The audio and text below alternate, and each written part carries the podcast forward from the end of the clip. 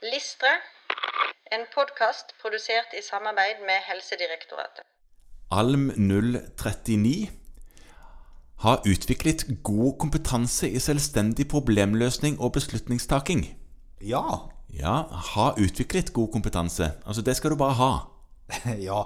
Dette er jo på en måte en sånn gjennomgående ferdighet som man som lege med en viss grad av eh, fartstid bør ha. Ja, altså, man, man klarer ikke å gjøre jobben sin hvis man eh, ikke er sånn relativt god på dette. Nei, altså problemløsning og beslutningstaking er vel noe av det du holder på med hele dagen. Altså Det er vel gode kolleger som har forska på hvor mange medisinske beslutninger du fatter på en dag.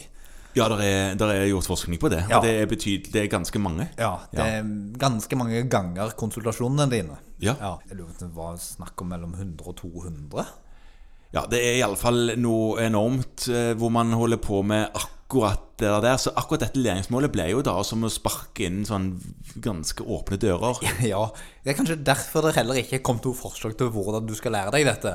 Og det, det som er litt sånn å bemerke i forhold til, det er at det står 'ha utviklet'. Ja, det er det det står. Ja. Det skal du bare ha utviklet. Ja. Ja. Så, så enten så får man da meditere og kontemplere seg fram til det.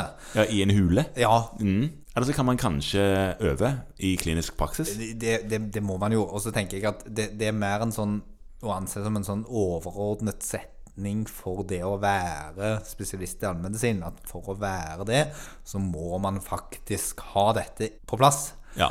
Ellers går det ikke. Så du tenker at eh, av alle ting som står i disse allmennmedisinske læringsmålene, så må dette stå? Ja, dette må på en måte være med. Ja, dette og må så være blir med. det liksom eh, hengende litt over, og det er jo på en måte en del av metodikken vår, men dette er egentlig noe som er gyldig for alle spesialiteter, og tenker at dette er jo på mange måter et felles kompetansemål.